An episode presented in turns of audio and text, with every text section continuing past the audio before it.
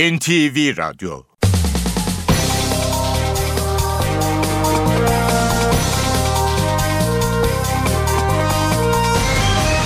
İşe Giderken Mutlu sabahlar. Ben Aynur Altunkaş. Bugün 27 Şubat Perşembe. Yaklaşık 2 saat boyunca Türkiye ve dünya gündemine yakından bakacağız.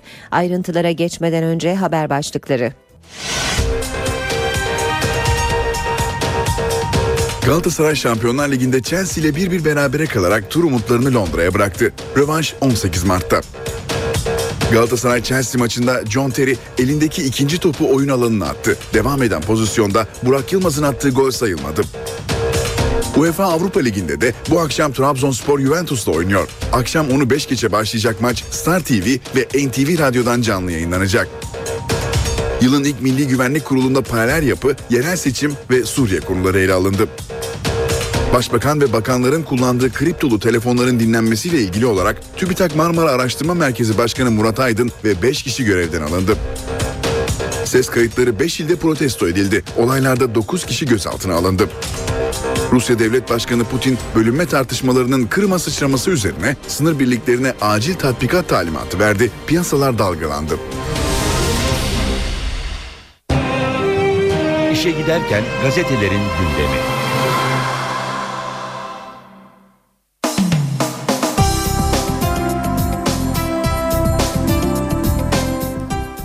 Gazetelerden başlıklar aktaracağız. E, ses kayıtları e, ve bunun yansımaları e, gazetelerinde manşetlerinde göze çarpıyor. Hürriyette Son Türk dizisi başlığı manşette Son kasetler dünyanın da gündeminde New York Times gazetesi Türkiye'yi sarsan ses kasetlerini haber yaparken dizi sevgimize atıf yaptı. Türkler pembe dizi sever ama şimdi ses kayıtlarını izliyor. Türk siyasi hayatına 2009 seçimlerinde yayınlanan Deniz Baykal ve MHP'lerin kasetleriyle giren tartışma bu yerel seçimler öncesinde şiddetini artırarak devam ediyor. Bazı iş adamlarının Sabah ATV'yi satın almak üzere havuz kurmaları Fethullah Gülen'in talimatlar vermesinden sonra Başbakan ve oğlunun konuşmaları diye yayınlanan ses kasetleri gündeme bomba gibi düştü diyor ve dış basından da başlıklar sıralamış Hürriyet gazetesi. HSYK'yı da onayladı. Başlığı yine hürriyette Cumhurbaşkanı Gül Hakimler ve Savcılar Yüksek Kurulu kanununda değişiklik yapan düzenlemeyi onayladı, açıklama yaptı. Anayasaya çeliştiğini gördüğüm için uyardığım 12 maddedeki 15 husustan bir kısmı mecliste komisyon ve genel kurulda değiştirildi. Bu açık aykırılıklar dışında tartışılan maddelerin Anayasa Mahkemesi'nce değerlendirilmesinin daha doğru olacağını düşünerek yayımlanmasını uygun buldum dedi açık açıklamasında Cumhurbaşkanı. CHP 30 milyon euro saçtı. Başbakanla oğlu Bilal Erdoğan arasında geçtiği iddia edilen telefon kayıtlarını dün de CHP İstanbul'da sokağa çıkarak protesto etti. İstiklal Caddesi'ndeki yürüyüş sırasında sık sık her yer rüşvet her yer yolsuzluk sloganı atıldı. İl Başkanı Oğuz Kağan Salıcı seçmene kararınızı gözden geçirin mesajı verdi. Temsili eurolar havaya atılarak eyleme katılanlara dağıtıldı. Taksim'e girilemeyince Mustafa Sarıgül Büyükşehir Belediye Başkanı seçilirse meydanı halka açma sözü verdi. Londra'ya kaldı. Şampiyonlar Ligi çeyrek finaline kalma mücadelesinde Galatasaray Chelsea karşısında kötü oynadığı ilk yarıyı Torres'in golüyle yenik kapattı. İkinci yarıda canlanıp oyunun kontrolünü ele alan Cimbom, Cedro'nun golüyle beraberliği yakaladı. Tur 18 Mart'ta Londra'da rövanşa kaldı. İkinci donk vakası sarı kırmızıların atağında Terry'nin taca vurduğu top reklam panosundan sahaya geri döndü. Terry topu eline aldı. Bu sırada başka topla tacı kullanan Galatasaray atağa geçerken Terry elindeki topu attı. Pozisyon akıllara Kasımpaşa Beşiktaş maçında Ryan Donk'un yaptığı hareketi getirdi. Milliyetle devam edelim. Abi aranıyor demiş Milliyet manşette. TÜBİTAK'ta 7 kişi görevden alındı. Emri verenler araştırılıyor. Kriptolu telefonlarında dinlendiği ortaya çıkınca TÜBİTAK'ta operasyon başladı. Bilim Bakanı Işık, amirden değil abiden emir alan yaklaşımı kabullenmeyiz dedi. Milli Güvenlik Kurulu'ndan paralel devlet iması. İki ayda bir toplanan Milli Güvenlik Kurulu'nun Şubat toplantısı 4 saate yakın sürdü. Cumhurbaşkanı Gül Başkanlığı'nda yapılan zirvenin en önemli gündem maddesinin 17 Aralık sonrası yaşananlar oluştururken bu hava bildiriye de yansıdı. Açıklamanın ilk maddesinde halkımızın huzurunu ve ulusal güvenliğimizi tehdit eden yapılanmalar ve faaliyetler görüşülmüştür denilerek Gülen cemaati üstü kapalı şekilde tehdit olarak değerlendirildi. TAPE kavgası Avrupa'ya kadar gitti. Türkiye Avrupa Birliği Karma Parlamentolar Komisyonu çalışmaları kapsamında önceki gün Strasbourg'da bulunan AK Parti milletvekilleriyle CHP milletvekili Aylin Nazlı Aka arasında TAPE tartışması yaşandı. Nazlı Aka gergin geçen toplantının ardından AK Partili vekillerin kendisini bir odaya çağırarak gözdağı vermeye çalıştığını öne sürdü. Kırım'da Karşıt gruplar kapıştı bir ölü domino etkisi. Kırım Özerk Cumhuriyeti'nde Ukrayna yanlısı Müslüman Tatarlarla Ruslar e, Rusya taraftarları arasında e, çatışma çıktı. Ukrayna'ya bağlı Kırım'ın durumunun tartışılacağı parlamentonun önünde karşılaşan grupların birbirine girmesi sonucu bir kişi kalp krizinden öldü. 26 kişi yaralandı. Gelişmeler üzerine Rusya Devlet Başkanı Putin orduya tatbikat emri verdi. Geçelim Sabah gazetesine. Gülen dış güçlerin gönüllü taşeronu diyor sabah manşette. Uzun dönem Gülen'in en yakınındaki isim olan ancak iki yıl önce yolunu ayıran Latif Erdoğan paralel yapının iç yüzünü anlatıyor. Sabah gazetesi manşetinde duyuruyor okura. Cumhuriyet gazetesi montajı hissetmiş manşetiyle çıkmış. Bilimin bağlı olduğu bakan Erdoğanların ses kaydı için incelemeye gerek yok dedi. Hükümet ses kaydına montaj demesine karşın inceleme yaptırmaktan kaçınıyor diye devam ediyor Cumhuriyet gazetesi. Bilim, Sanayi ve Teknoloji Bakanı Işık ilk dinlediğimde montaj olduğunu hissettim. Teknik incelemeyi gerektirmeyecek kadar açık dedi. Erdoğan'ın kriptolu telefonlar bile dinlendi demesinin ardından TÜBİTAK'ta 5 kişinin çalıştığı bölümle ilişiği kesildi deniyor Cumhuriyet'in haberinde. Radikalle devam edeceğiz. Masalar toplandı demiş Radikal manşette. Cumhurbaşkanı Gül tepkilere rağmen Hakimler ve Savcılar Yüksek Kurulu yasasını onayladı. Hakim savcıdan çaycıya kadar seçilmişler hariç 600 kişinin görevi sona erdi. AK Parti Anayasa Mahkemesi'nin olası iptal kararını dert etmiyor. Yargıda istediği operasyonlar için bir hafta yetiyor. Yeni kanunla HSYK üyeliğine adaylık için 20 yıl çalışma şartı geliyor. Bu da AK Parti döneminde mesleğe girmiş yargı mensuplarının aday olamaması demek. HSYK kararlarına yargı yolu açılmadı. Yani yani kurul Adalet Bakanı'nın deyişiyle layüsel kaldı. Mor Gabriel ilk tapuyu aldı. Mor Gabriel Manastırı Vakfı'na ait 12 parselin iade süreci tamamlandı. 244 dönümlük arazi tescil edildi. 320 dönümlük arazinin davası Avrupa İnsan Hakları Mahkemesi'nde diyor Radikal haberinde. Geçelim Zaman gazetesine. Zamanın manşeti ses depremi sürüyor. Başbakan Erdoğan'la oğlu Bilal Erdoğan arasında geçtiği iddia edilen ses kayıtları Türkiye gündemini sarsmaya devam ediyor. Evde bulunan yüklü miktardaki parayı operasyon yapılacağı endişesiyle dağıtma görüşmelerini içeren ses kayıtlarına başta siyasetçiler olmak üzere her kesimden tepki yağıyor demiş Zaman gazetesi. Ve bu e, tepki açıklamalarını da derlemiş birinci sayfasında. Ses kayıtları dünya basınında Türk Başbakan'a istifa çağrısı başlığını yine zamanda görüyoruz. Dünyadan e, ses kayıtlarına ilişkin e, tepki haberlerini de bu başlıkla derliyor Zaman Gazetesi. Geçelim Star'a. Star böyle montajladılar demiş manşetinde. Amerika Birleşik Devletleri'ndeki iki ses laboratuvarı paralel yapının saldırısını deşifre etti diyor Star gazetesi manşet haberinde.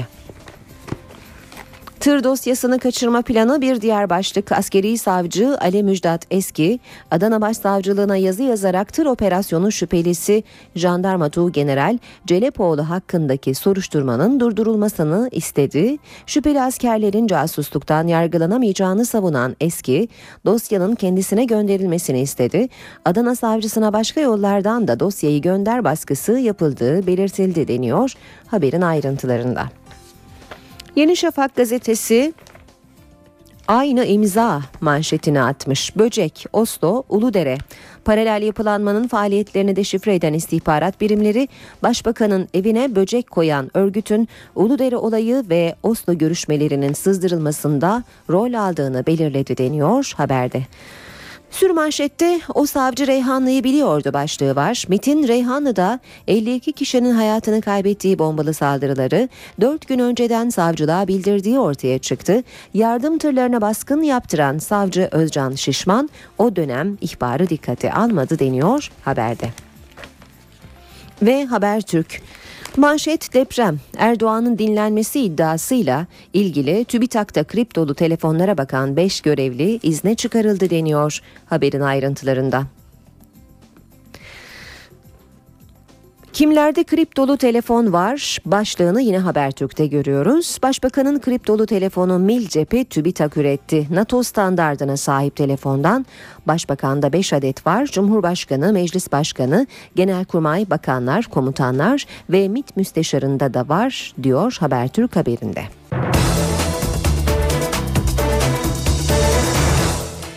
Saat 7.16 işe giderken gündemin ayrıntılarıyla sürüyor. Yılın ilk Milli Güvenlik Kurulu toplantısı dün yapıldı. 3 saat süren toplantının sonunda yayınlanan bildiride paralel yapı tartışmasına vurgu yapıldı. Ülke genelinde güvenliği ilgilendiren hususlar ve yürütülen çalışmalar değerlendirilmiş, bu kapsamda halkımızın huzurunu ve ulusal güvenliğimizi tehdit eden yapılanmalar ve faaliyetler görüşülmüştür. Siyasette paralel yapı tartışmaları sürerken Milli Güvenlik Kurulu toplantısının ardından bu açıklama yapıldı. Yılın ilk Milli Güvenlik Kurulu toplantısı 3 saat sürdü. Toplantıda son dönemde ortaya çıkan ses kayıtlarıyla devletin zirvesinde kriptolu telefonlardan yapılan görüşmelerin güvenliği de gündeme geldi. MGK bildirisinde ülke genelinde güvenliği ilgilendiren hususlar ve yürütülen çalışmaların değerlendirildiği de belirtildi. MGK'da bir diğer önemli başlıksa yaklaşan yerel seçimlerdi. MGK bildirisinde seçimlerin huzur ve güven içerisinde geçmesine yönelik tedbirlerin gözden geçirildiği vurgulandı. Toplantıda Suriye konusu da ele alındı. Sayıları 700 bini bulan Suriyeli sığınmacıların durumu ve ihtiyaçlarının karşılanması için yürütülen çalışmalar üzerinde durulduğu ifade edildi. Toplantıda konuşulan ve bildiriye yansıyan son başlıksa Irak ve İran'la ilişkiler oldu. İran'la ikili ilişkilerimizde kaydedilen ilerlemelerle Irak'taki son durum ele alınmıştır denildi. Başbakan ve bakanların kullandığı kriptolu telefonların dinlenmesiyle ilgili olarak TÜBİTAK Marmara Araştırma Merkezi Başkanı Murat Aydın görevden alındı. Ayrıca kriptolu telefonlara bakan 5 kişi de açığa alındı. Bilim Sanayi ve Teknoloji Bakanı Fikri Işıksa iddialara konu olan ses kaydı için montaj olduğu ortada dedi. Devletin kriptolu telefonlarını bile oradan dinliyorlar. Bu kadar bunlar alçak. Başbakan Recep Tayyip Erdoğan'ın kriptolu telefonların dinlendiğini açıklaması TÜBİTAK'ta görevden almaları da beraberinde getirdi. Sayın Başbakanımızın telefonu dinlenmiş. Bilgem'deki kriptolu telefonlara bakan 5 kişi izne ayrıldı. Şu anda çalıştıkları mekanla irtibatları kesildi. TÜBİTAK Marmara Araştırma Merkezi Başkanı Murat Aydın'ın da görevden alındığını söyleyen Bilim, Sanayi ve Teknoloji Bakanı Fikri Işık, iddiaların tüm yönleriyle araştırıldığını söyledi. TÜBİTAK paralel yapının sızma girişiminde bulunduğu yapılardan veya kurumlardan bir tanesi. İdari soruşturma açılması talimatını verdim. İkincisi de teknik inceleme. Bu sistemin güvenliğini, donanımını ve yazılımını mutlaka bir incelemeye alacağız. Işık, Başbakan Erdoğan ve oğlu arasında geçtiği iddia edilen görüşmeye ait ses kaydını da değerlendirdi. Ben o ses kayıtlarını ilk dinlediğimde çok açık bir montaj olduğunu hissettim. Başbakanlık TÜBİTAK'tan böyle bir teknik inceleme isterse biz tabii ki onu yaparız. Ama teknik incelemeyi gerektirmeyecek kadar açık bir montaj olduğu ortada. Başbakanın ofisindeki dinleme cihazları ile ilgili ayrıntılar da netleşiyor. Cihazlar başbakanın kullandığı kriptolu telefonların altındaki prizde bulundu. Başbakan Recep Tayyip Erdoğan'ın ofisine konulan dinleme cihazları kriptolu telefonun altındaki prize yerleştirildi. Dinleme cihazları uzatma kablolu çok prizin içinden başbakanın en kritik devlet sırrı sayılabilecek konuşmalarını gerçekleştirdiği kriptolu telefonların hemen altından çıktı. Böcekler 30-40 kişilik bir ekiple yerleştirildi ve arkasında herhangi bir yabancı istihbarat örgütü değil, paralel yapının olduğu belirtiliyor. Dinleme cihazlarını MIT iki günlük arayla buldu. İlk cihaz Başbakan Milli Güvenlik Kurulu toplantısındayken evinde, diğeri ise iki gün sonra resmi konutta yapılan aramada ortaya çıktı. Böcekler sürekli elektrik enerjisi alıyor ve 200-300 metre yakınında bulunan kayıt ünitesine kesintisiz olarak ses aktarımı yapıyordu.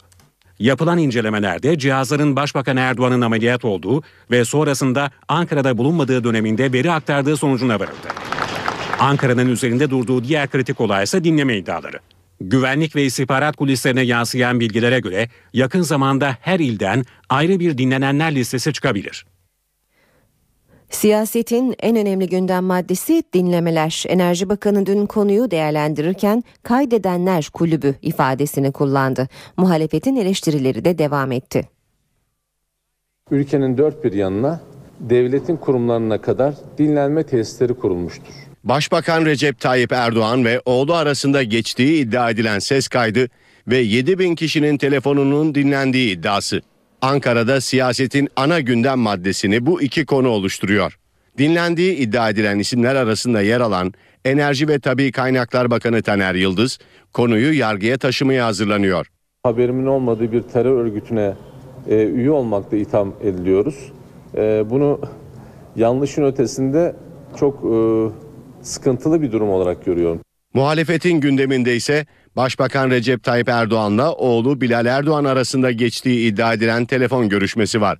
Muhalefet milletvekilleri Başbakan Erdoğan'a istifa çağrısı yaptı. 17-18 Aralık günlerinde Başbakanla oğlunun arasında hangi saat, hangi dakika görüşmeler yapılmıştır?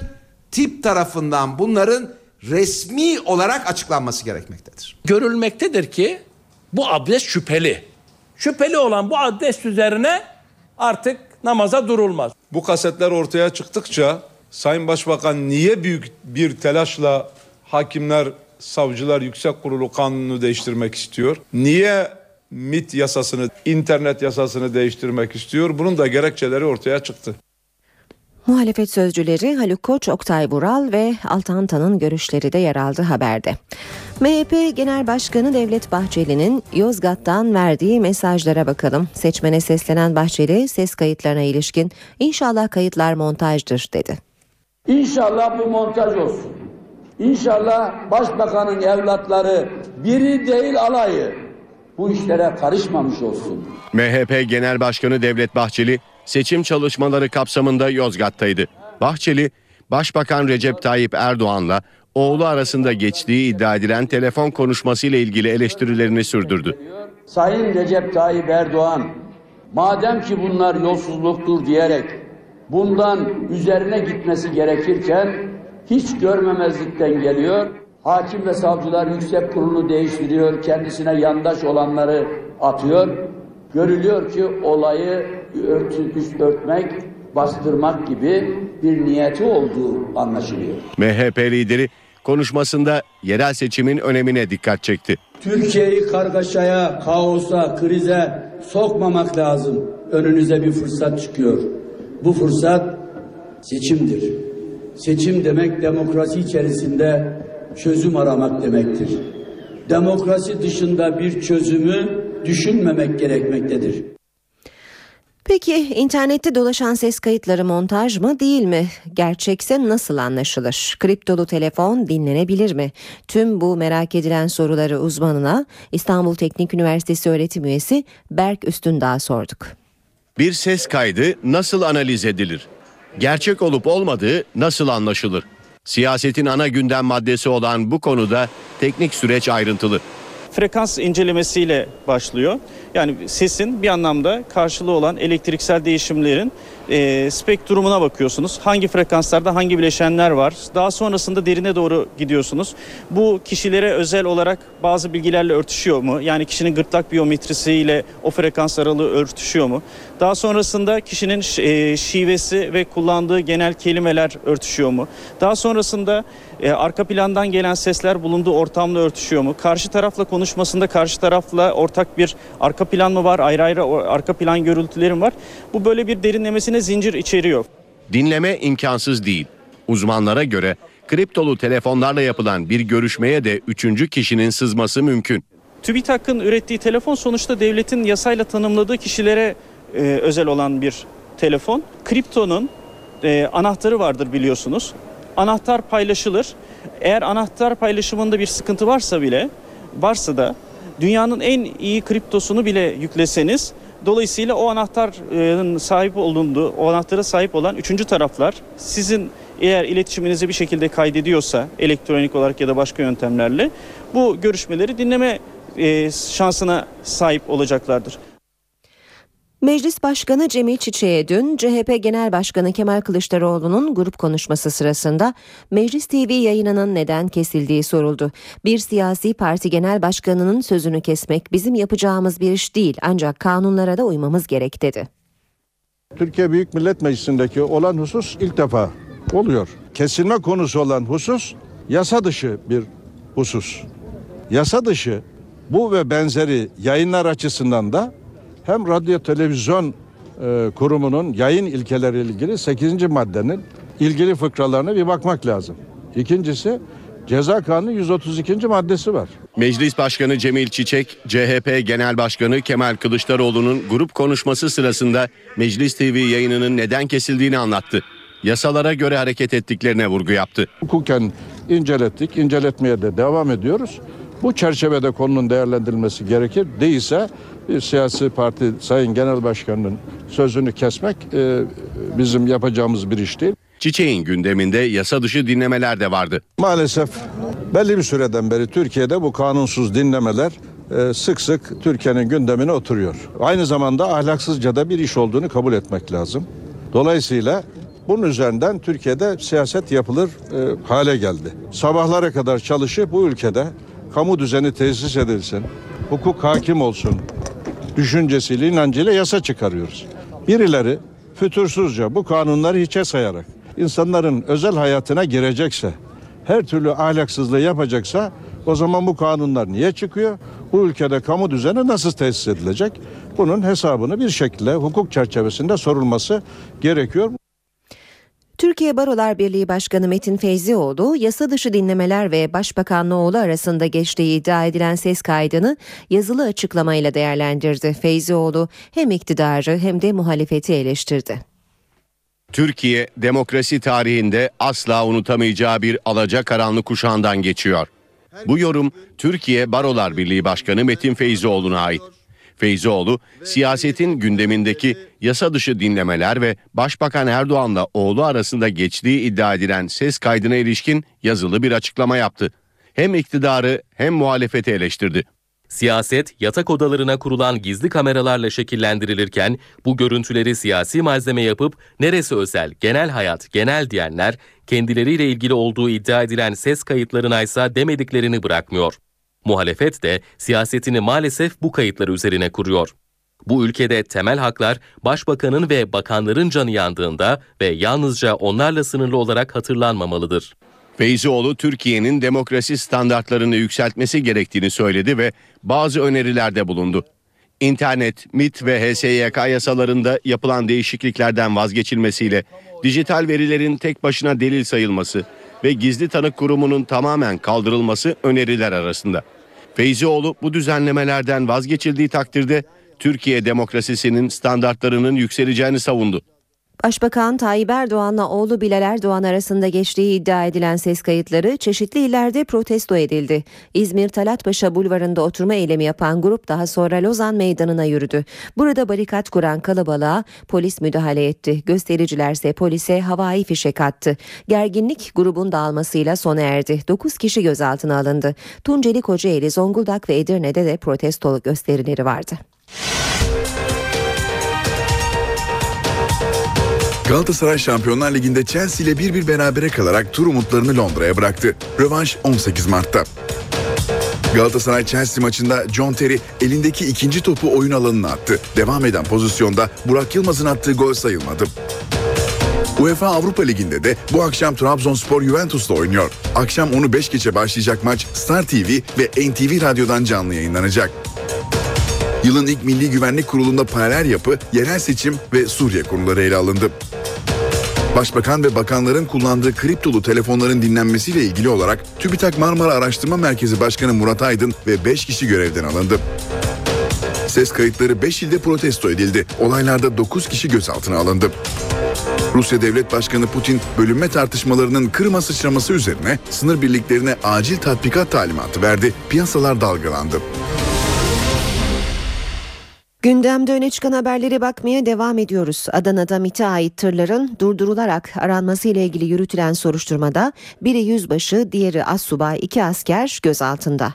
Askerler tırların durdurulması için ankesörlü telefon kullanarak ihbarda bulunmakla suçlanıyor. İki askerin yer ve kimlik tespitlerinin Milli İstihbarat Teşkilatı tarafından yapıldığı iddia edildi.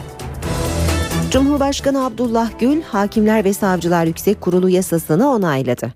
Onayla ilgili ilk kez açıklama yapan Gül, tartışmalı maddeleri Anayasa Mahkemesi'ne bıraktı. Muhalefetten ise Gül'e tepki var. Cumhurbaşkanı Abdullah Gül tartışmalı Hakimler ve Savcılar Yüksek Kurulu yasasını onayladı. Cumhurbaşkanı onay sonrası bir ilke imza attı ve onay gerekçesini kamuoyuyla paylaştı. Özellikle Adalet Bakanı'na yetkiler veren hükümlerden vazgeçildiğini ve bu yetkilerin yeniden HSYK Genel Kurulu'nda ve ilgili dairelerinde kalacak şekilde değiştirildiğini gördüm. Düzeltilen bu açık aykırılıklar dışında kanunun diğer lehinde ve aleyhinde tartışılan maddelerin ise Anayasa Mahkemesi'nce değerlendirilmesinin daha doğru olacağını düşünerek yayınlanmasını uygun buldum. Yasa yürürlüğe girdiğinde yüksek kurul üyelerinin dairelerdeki görevleri sona erecek. Ayrıca HSYK'daki mevcut müfettişler, tetkik hakimler, teftiş kurulu başkan ve başkan vekiliyle genel sekreterin ve idari personelin de görevleri bitecek. Yasaya göre üyelerin hangi dairede görev yapacağına Adalet Bakanı karar verecek. HSYK üyeleriyle ilgili disiplin soruşturmasını bakan, kovuşturmasını ise genel kurul yapacak. Teftiş kurulu başkanı ve yardımcılarını HSYK başkanı atayacak. Cumhurbaşkanı Abdullah Gül'ün HSYK yasasını onaylamasına muhalefet sert tepki gösterdi. Sayın Cumhurbaşkanı'nın bugün düştüğü durum noterlikle filan açıklanacak bir durum değil. Basit bir evrak memurluğu düzeyine kadar inmiştir. Sayın Cumhurbaşkanı'nın bir noter gibi davranmaktan öteye geçememiş ve milletin vicdanına uygun ve kendi yeminine uygun hareket edememiştir. CHP Yasa resmi gazetede yayımlanır yayımlanmaz iptal için Anayasa Mahkemesi'ne başvuracak.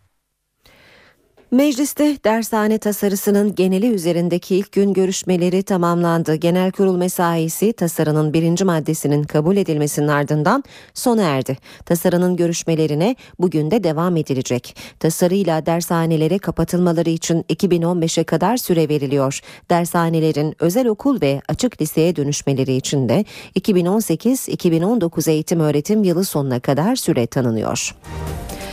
Eğitim sendikaları mecliste görüşülmesine başlanan Milli Eğitim Bakanlığı yasa tasarısını protesto etti. Eğitimciler dershane düzenlemesinin de içinde olduğu tasarının geri çekilmesini istedi. Dershanelerin dönüşümünün de içinde olduğu Milli Eğitim Bakanlığı yasa tasarısı protesto eylemlerine neden oldu. Eğitim sendikaları üyeleri tüm yurtta eylem yaptı.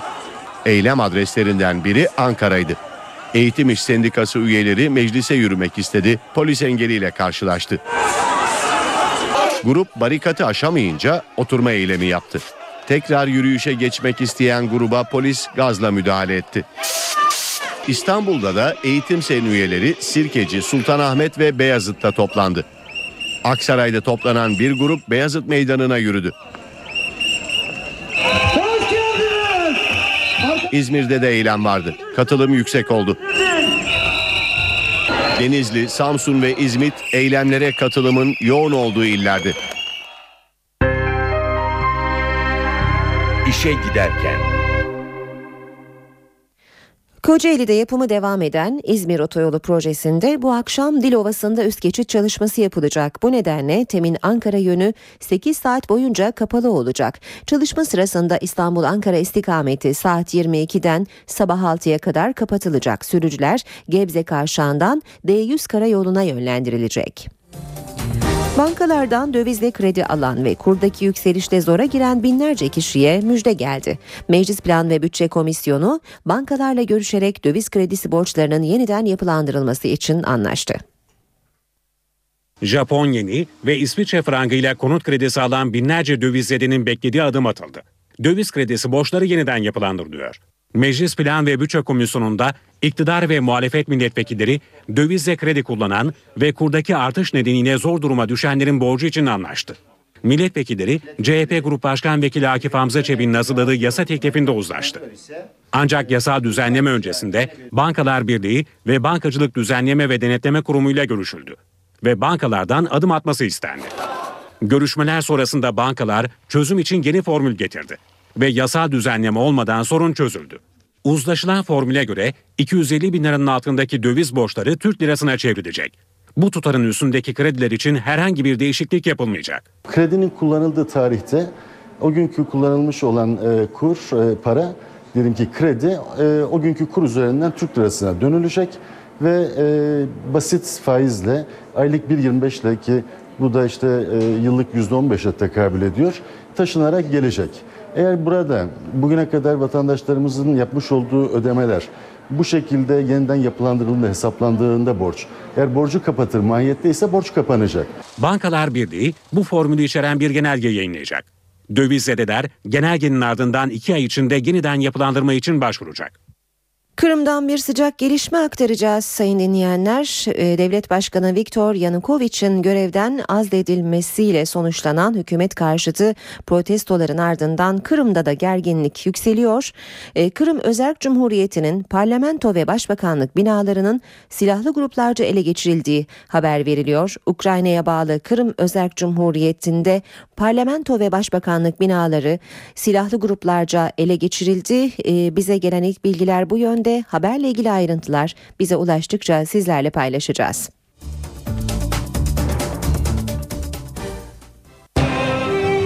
İşe giderken gazetelerin gündemi.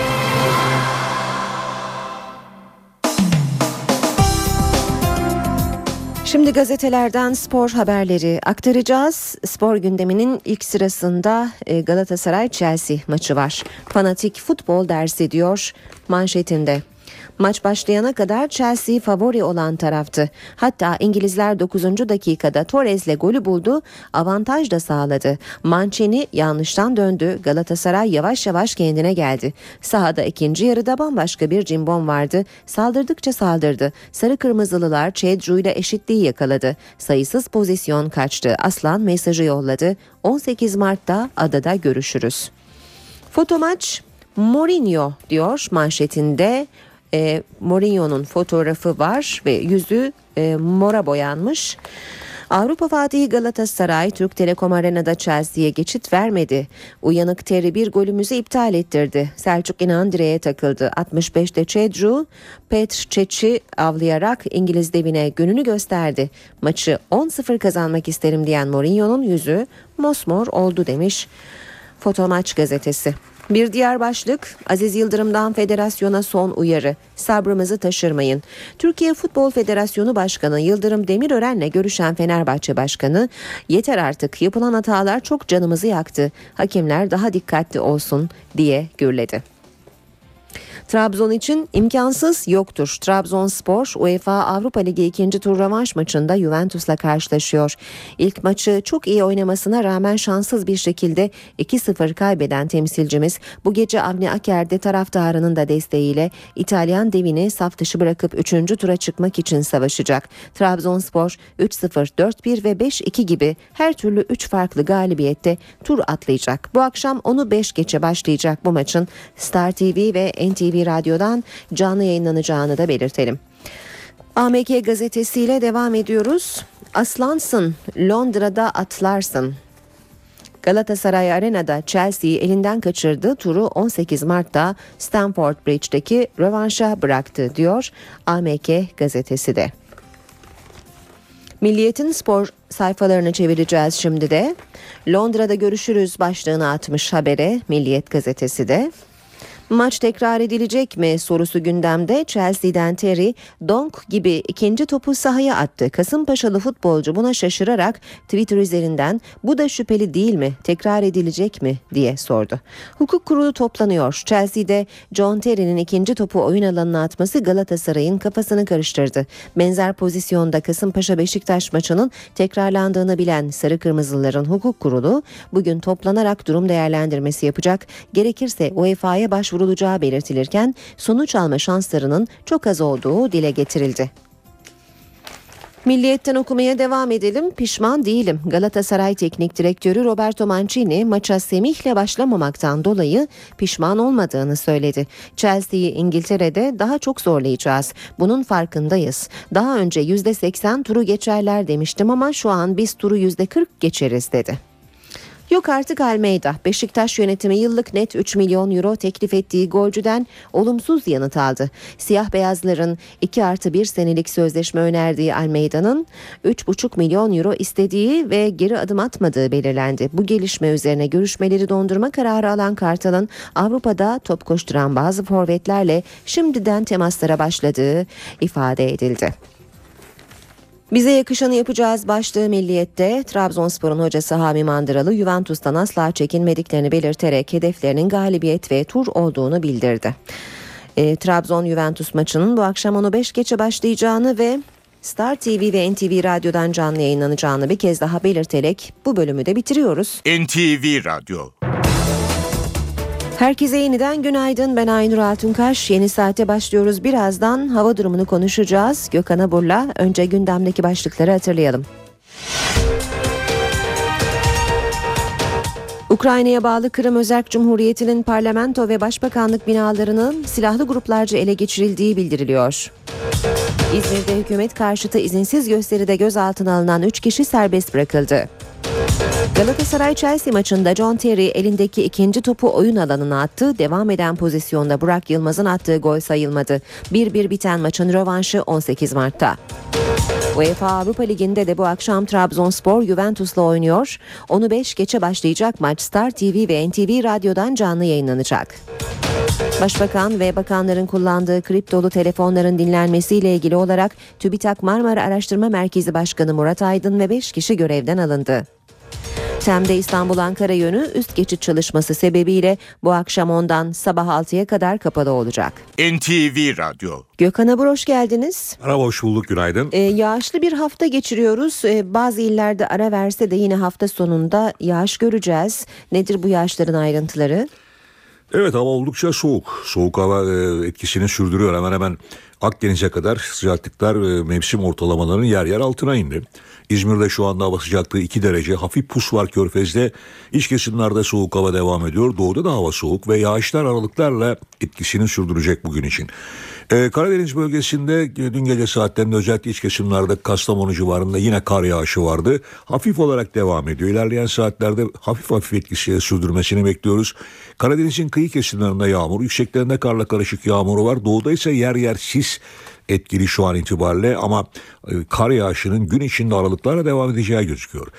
Güneydoğu'da aralıklarla gün içinde yağmur geçişleri görülürken Doğu Akdeniz'de de yine Mersin Adana arasında kısa süreli yağışlar görülecek. Evet batıda yağış etkisini kaybetti. Hava soğuk ama yarından itibaren sıcaklıkların Akdeniz ve Ege'den başlayarak yükselmesini bekliyoruz. Bu sıcaklıkları yükseltecek olan güneyli rüzgarlar beraberinde taşıyacağı nemle yarın özellikle Çanakkale civarındaki ve Kuzey Ege'deki bulutlanmayı arttıracak. Dolayısıyla yarın gece saatlerinde bölgede Edremit Körfezi Çanakkale arasındaki bölgede hafif de olsa bir yağış geçişi görülebilir.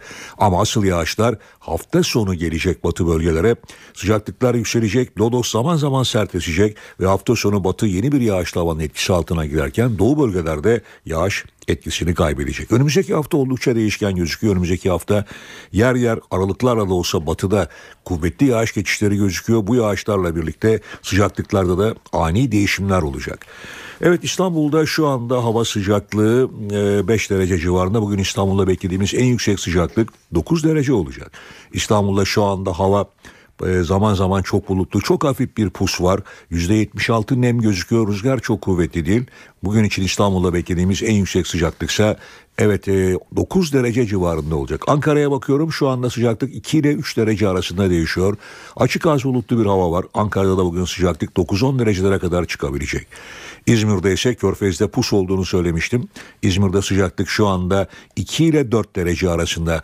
Adnan Menderes'te 2 merkezde 4 derece olarak gözüküyor ama İzmir'de bugün sıcaklığım 13-14 dereceye kadar çıkmasını bekliyoruz. Yarından itibaren sıcaklıklar daha da yükselecek ama hafta sonu İzmir başta olmak üzere Ege'ye yeni bir yağışlı hava gelecek. Evet bizleri bugün ve önümüzdeki günlerde bekleyen koşullar genelde böyle. Gökhan Abur teşekkürler.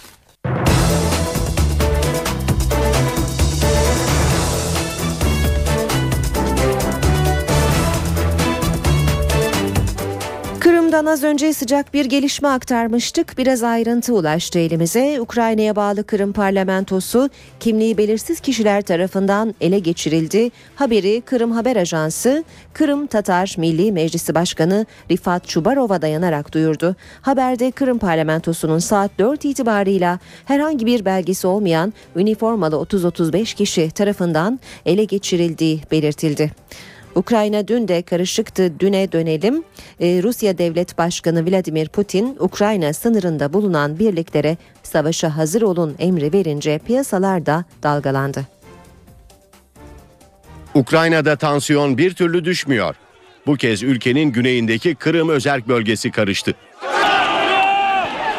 Gerilimin adresi Simferopol kentindeki yerel parlamento binasıydı. Rusya yanlılarıyla Batı yanlısı Kırım Tatarları binanın önünde karşı karşıya geldi. Olaylar sırasında bir kişi kalp krizi geçirerek hayatını kaybetti. Çıkan arbedede yaralananlar oldu. Kırım Tatarları olarak buradayız. Bize danışılmadan Kırım'ın statüsüne karar verilemez. Rusya ile birlikte olmak istiyoruz. Avrupa Birliği'ni istemiyoruz. Rusçanın ağırlıklı olarak konuşulduğu ülkenin kuzeydoğusundaki Harkov kentinde benzer görüntüler vardı. Kentin belediye binasına Rus bayrağı asıldı. Rusya'dan da gerilimi tırmandırabilecek bir açıklama geldi.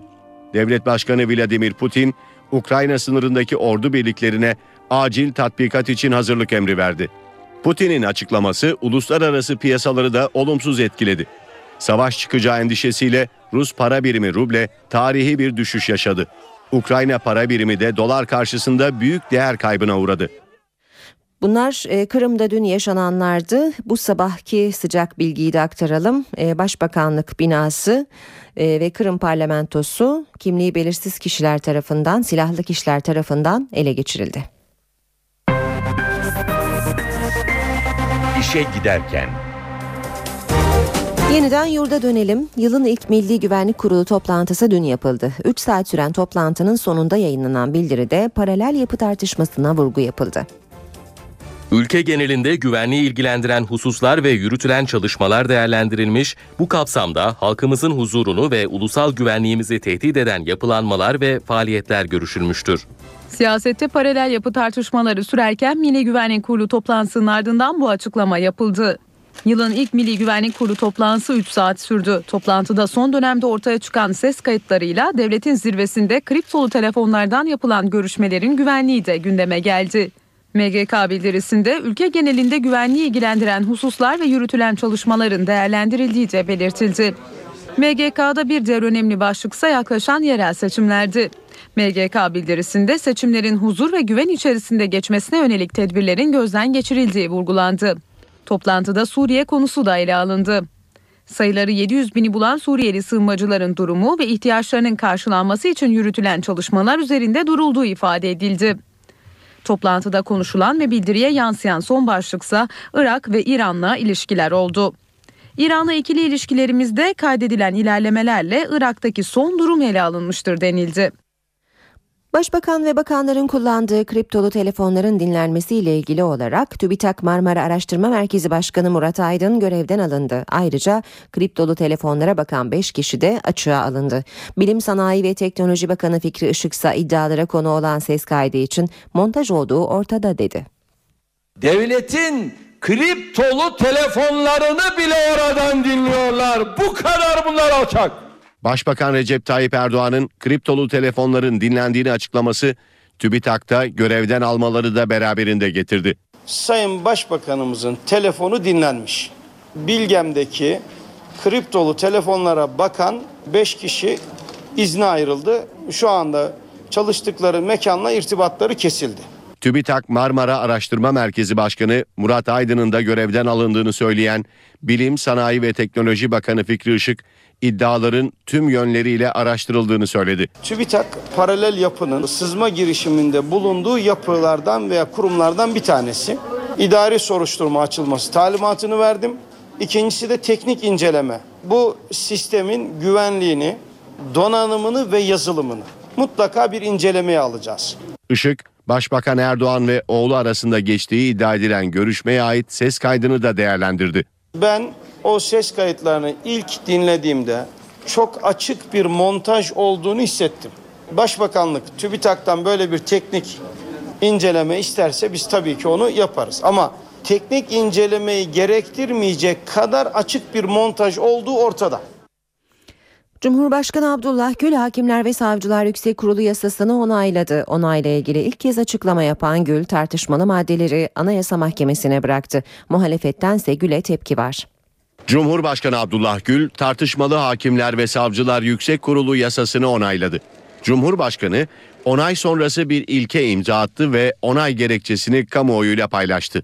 Özellikle Adalet Bakanı'na yetkiler veren hükümlerden vazgeçildiğini ve bu yetkilerin yeniden HSYK Genel Kurulu'nda ve ilgili dairelerinde kalacak şekilde değiştirildiğini gördüm. Düzeltilen bu açık aykırılıklar dışında kanunun diğer lehinde ve aleyhinde tartışılan maddelerinin ise Anayasa Mahkemesi'nce değerlendirilmesinin daha doğru olacağını düşünerek yayınlanmasını uygun buldum. Yasa yürürlüğe girdiğinde yüksek kurul üyelerinin dairelerdeki görevleri sona erecek.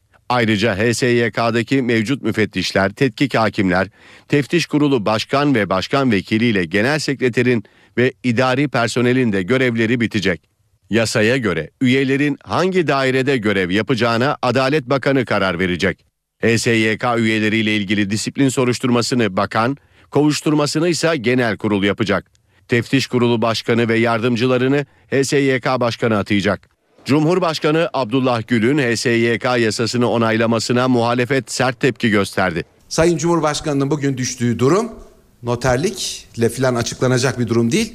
Basit bir evrak memurluğu düzeyine kadar inmiştir. Sayın Cumhurbaşkanı'nın bir noter gibi davranmaktan öteye geçememiş ve milletin vicdanına uygun ve kendi yeminine uygun hareket edememiştir. CHP, yasa resmi gazetede yayımlanır yayımlanmaz iptal için Anayasa Mahkemesi'ne başvuracak. Cumhurbaşkanı Gül'ün onayladığı torba yasa ise birçok alanda yeni düzenlemeler içeriyor. Yasayla kamuya 11.712 yeni personel alınmasının yolu açıldı. Ayrıca engelli çocuğu bulunan memur ve askerlere yılda 10 gün mazeret izni verilmesi, yaşlılara harçlık ödemesi gibi düzenlemelerde torba yasada yer alıyor. Kamuya 11.712 yeni personel alınacak. Cumhurbaşkanı Abdullah Gül'ün onayladığı torba yasayla kamuya yeni personel alımının da yolu açıldı. Buna göre Afet ve Acil Durum Yönetimi Başkanlığı'na 6511, İçişleri Bakanlığı'na 1967, Kredi ve Yurtlar Kurumu Genel Müdürlüğü'ne 160, Gençlik ve Spor Bakanlığı'na 53, Aile ve Sosyal Politikalar Bakanlığı'na 11, Spor Genel Müdürlüğü'ne de 10 kadro açıldı. Ayrıca Jandarma Genel Komutanlığı'na da 3000 uzman erbaş alınacak. Yasa pek çok alanda yeni düzenlemeler içeriyor. Bundan sonra deprem ölçümlerinde tek yetkili AFAD olacak. Depremin şiddetine ilişkin resmi açıklamaları AFAD yapacak. Yasaya göre engelli çocuğu bulunan memur ve askerler yıl içinde 10 gün mazeret izni kullanabilecek. Yasayla tüm acil çağrıları karşılamak, sevk ve koordinasyonunu sağlamak üzere bütün illerde 112 acil çağrı merkezleri kurulacak. Bu çağrı merkezlerine asılsız ihbarda bulunarak meşgul eden kişilere 250 lira idari para cezası verilecek. Tekrarı halinde bu ceza iki katına çıkacak. Bir başka düzenlemeyle yaşlılara her ay harçlık ödenecek. Ancak harçlık ödenenler muhtaç olarak kabul edilemeyecek ve bu kişilere aylık bağlanmayacak. Konut edindirme yardımından bu zamana kadar talep edilmeyen alacaklar son listenin ilan tarihinden 5 yıl sonra hazineye gelir kaydedilecek. Böylece alacaklılar için 5 yıllık süre verilmiş olacak. İşe giderken İstanbul Esenler Otogarı'nda düzenlenen operasyonda 5 ton 10 numara yağ ele geçirildi. Operasyonda atölyelerdeki gizli bölmelerde 238 teneke içinde 5 ton kaçak 10 numara yağ ele geçirildi. 6 kişi gözaltına alındı. Aynı yere daha önce de defalarca baskın yapılmış, şehirler arası otobüslerin depolarına motorin yerine 10 numara yağ doldurulduğu tespit edilmişti. Galatasaray'ın iki yıl önce şampiyonluğunu ilan ettiği Fenerbahçe Galatasaray derbisindeki olaylarla ilgili davada tüm sanıklar delil yetersizliğinden beraat etti. Kadıköy Şükrü Saracoğlu stadında 12 Mayıs 2012 tarihinde oynanan Fenerbahçe Galatasaray karşılaşması sonrasında saha dışında çıkan olaylarla ilgili 22 kişi hakkında 10 yıla kadar hapis cezası isteniyordu. NTV Radyo Başkent gündemiyle devam ediyoruz. Saat 8.21 karşımızda NTV Ankara muhabiri Murat Barış Koralp var. Murat günaydın. Günaydın Aynur. E yine çok yoğun günlerden geçiyoruz. Bu sabaha nasıl uyandı başkent Murat? Evet yine yoğun bir gün bizi bekliyor gibi görünüyor. Hemen başlayalım. Ankara'nın önemli bir konuğu var. Rusya Federasyonu Meclisi Devlet Düması Başkanı Sergey Narışkin Ankara'da olacak. Narışkin ilk olarak Cumhurbaşkanı Abdullah Gül tarafından Çankaya Köşkü'nde kabul edilecek. Cumhurbaşkanı ile görüşmesinin ardından Narışkin'i Meclis Başkanı ile görüşme bekliyor. Cemil Çiçek'le bir araya gelecek. Cemil Çiçek konuk Meclis Başkanı onuruna bir öğle yemeği verecek. Daha sonra ikili Ankara'da Rusya Kültür Merkezi'nin açılışını yapacaklar. Aile ve Sosyal Politikalar Bakanı Ayşenur İslam ise bugün bakanlıkta bir basın toplantısı düzenliyor. Engelliler, kadınlar, şehit yakınları ve gaziler için yeni düzenlemeler getiren kanun hükmünde kararname konusunda olacak bu basın toplantısı. Cumhurbaşkanı Abdullah Gül dün HSYK yasasını onayladı. Bugün Cumhuriyet Halk Partisi de yasanın iptali için Anayasa Mahkemesi'ne dava açmaya gidiyor. Önemli bir gelişme. Ankara'da gözlerin çevrildiği adreslerden biri de Anayasa Mahkemesi olacak. Kıbrıs'ta Kıbrıs sorununun çözümü için yeniden başlayan müzakerelerle ilgili olarak Ankara'da bugün bir toplantı var. Türk müzakerecilerin Ankara'yı ziyaret etmesi bekleniyor ve bu süreçle ilgili Dışişleri Bakanlığı yetkililerini bilgilendirmeleri bekleniyor.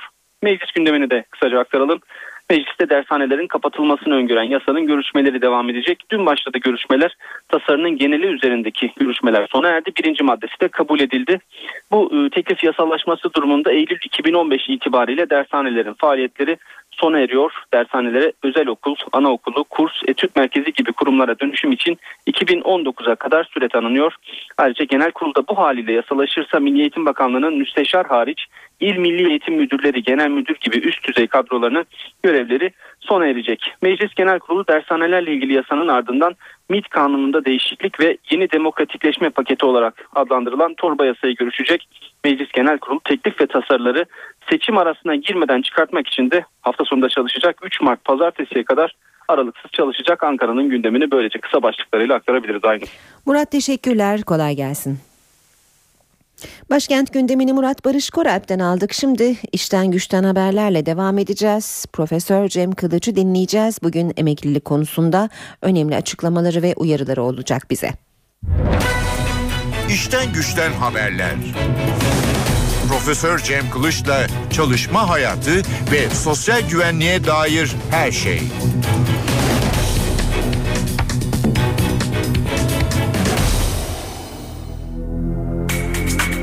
Merhaba sevgili NTV Radyo dinleyenleri.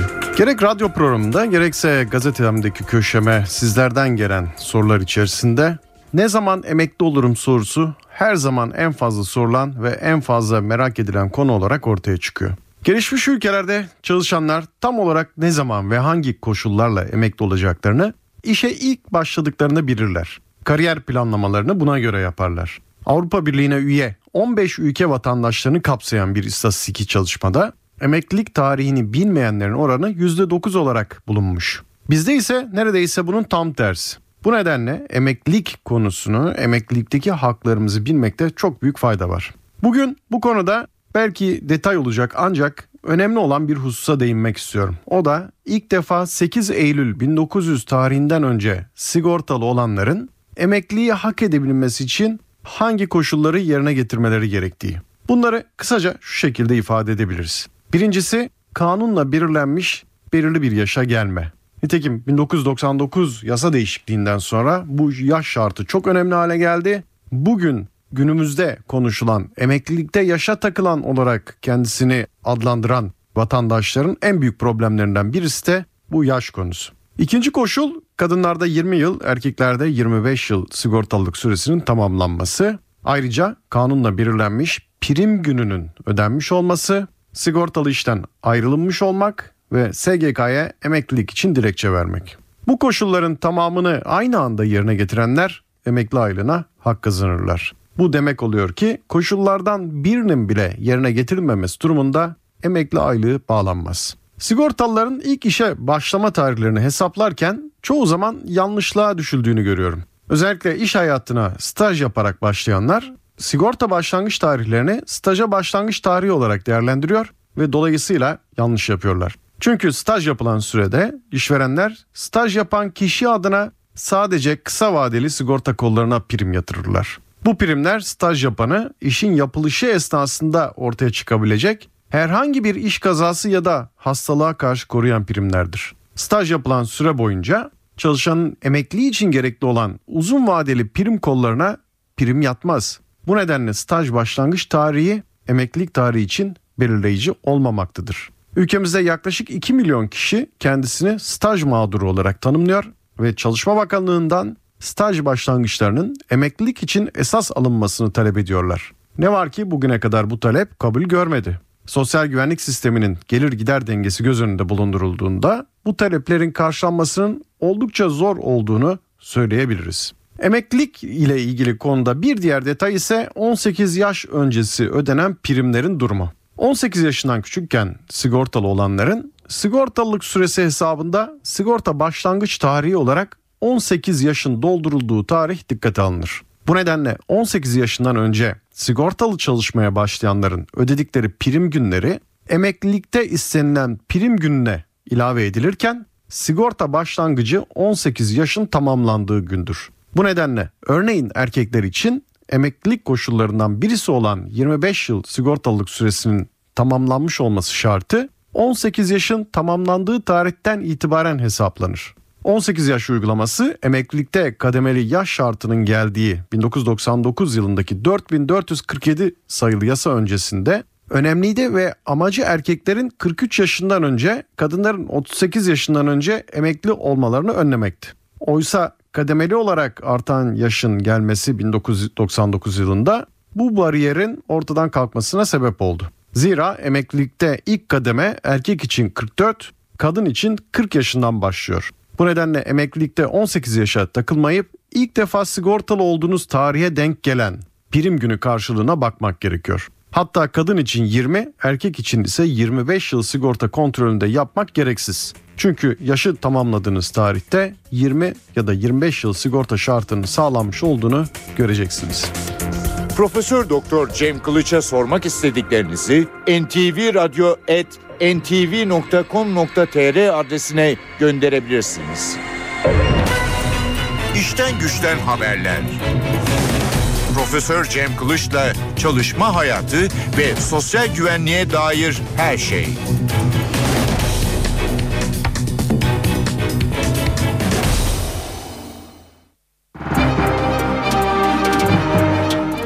Piyasalarla devam edelim. Kırım'dan bu sabah erken saatlerde gelen sıcak gelişmeler dövizi yükseltti. Dolar 2.24'te, Euro 3.07'de işlem görüyor şu dakikalarda. Euro dolar 1.37 seviyesinde.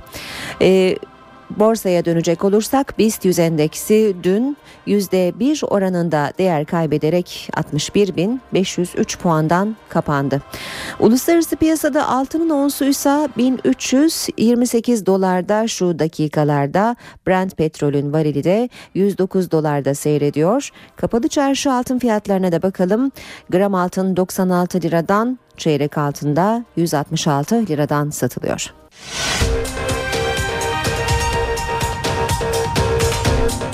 Ukrayna'ya bağlı Kırım Özerk Cumhuriyeti'nin parlamento ve başbakanlık binalarının silahlı gruplarca ele geçirildiği bildirildi. İzmir'de hükümet karşıtı izinsiz gösteride gözaltına alınan 3 kişi serbest bırakıldı. Galatasaray Chelsea maçında John Terry elindeki ikinci topu oyun alanına attı. Devam eden pozisyonda Burak Yılmaz'ın attığı gol sayılmadı. 1-1 biten maçın rövanşı 18 Mart'ta.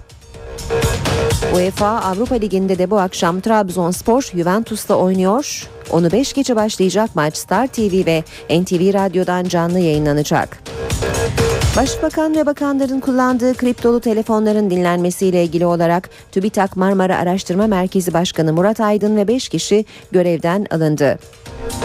Yılın ilk Milli Güvenlik Kurulu'nda paralel yapı, yerel seçim ve Suriye konuları ele alındı. Tem'de İstanbul-Ankara yönü üst geçit çalışması sebebiyle bu akşam 10'dan sabah 6'ya kadar kapalı olacak.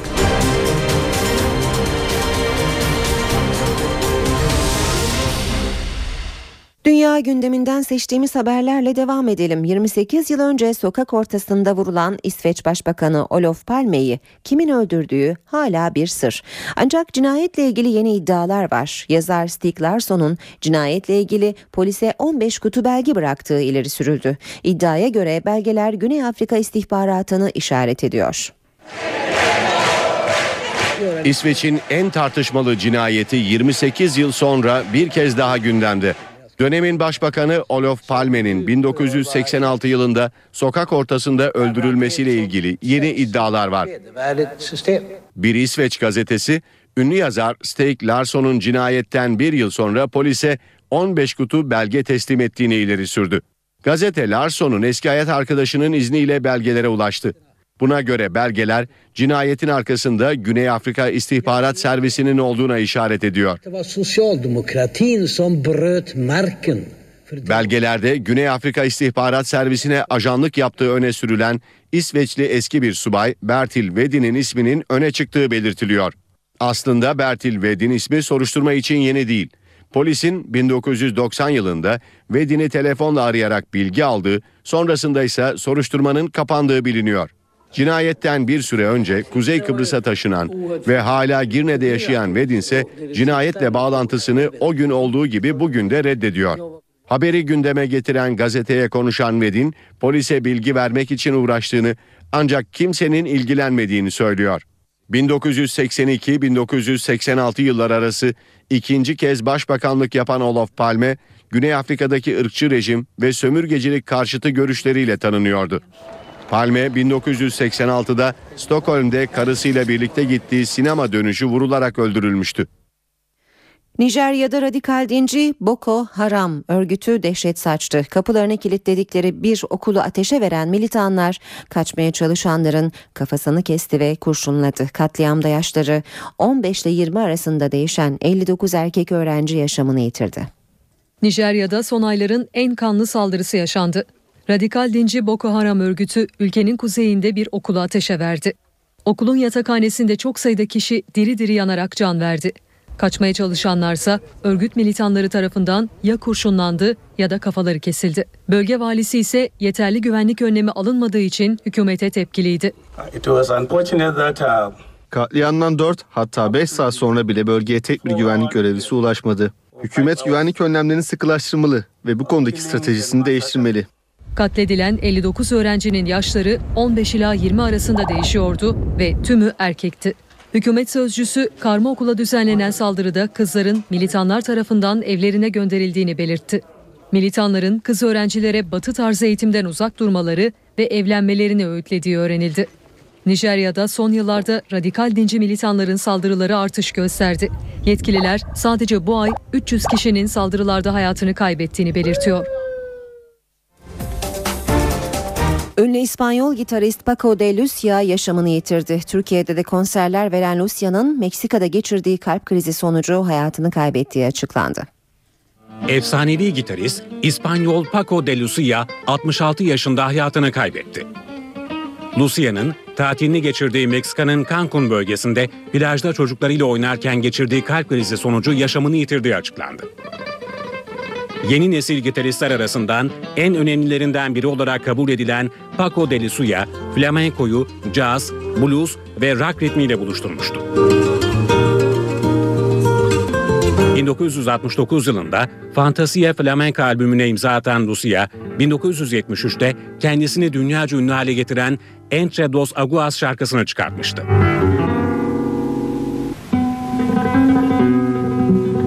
Lucia, Levent Yüksel tarafından seslendirilen Tuana şarkısının da bestecisiydi.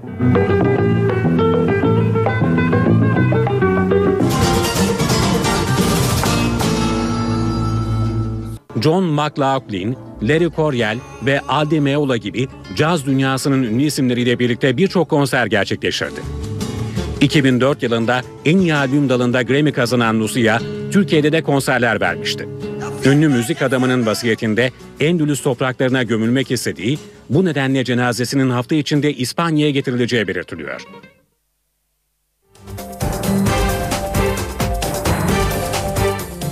Ünlü aktör Russell Crowe, The Water Diviner, Su Bulucu filminin İstanbul'daki çekimlerine başladı. İlk durak Çemberli Taş Hamamı'ydı. Çemberli Taş Hamamı dünyaca ünlü bir aktörü konuk etti. Usta oyuncu Russell Crowe'nun yönetmenliğini ve başrolünü üstlendiği The Water Diviner, Su Bulucu filminin çekimleri başladı. İlk çekimler İstanbul'da tarihi Çemberli Taş Hamamı'nda yapıldı. Sabah 7'de başlayan çekimler 12'ye kadar sürdü. Teşekkürler Oscar ödüllü Crowe, The Water Diviner'da Çanakkale Savaşı'nda kaybettiği çocuklarının peşine düşen bir babanın hikayesini anlatıyor. Buraya kadar 1919 yılında geçen dönem filminde Cem Yılmaz ve Yılmaz Erdoğan da rol alıyor.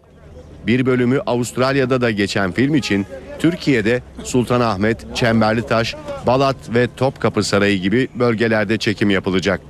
Mart ortasına dek sürecek İstanbul sahnelerinin ardından ekip Fethiye, Kayaköy'de çekimlere devam edecek. İşe giderken gazetelerin gündemi.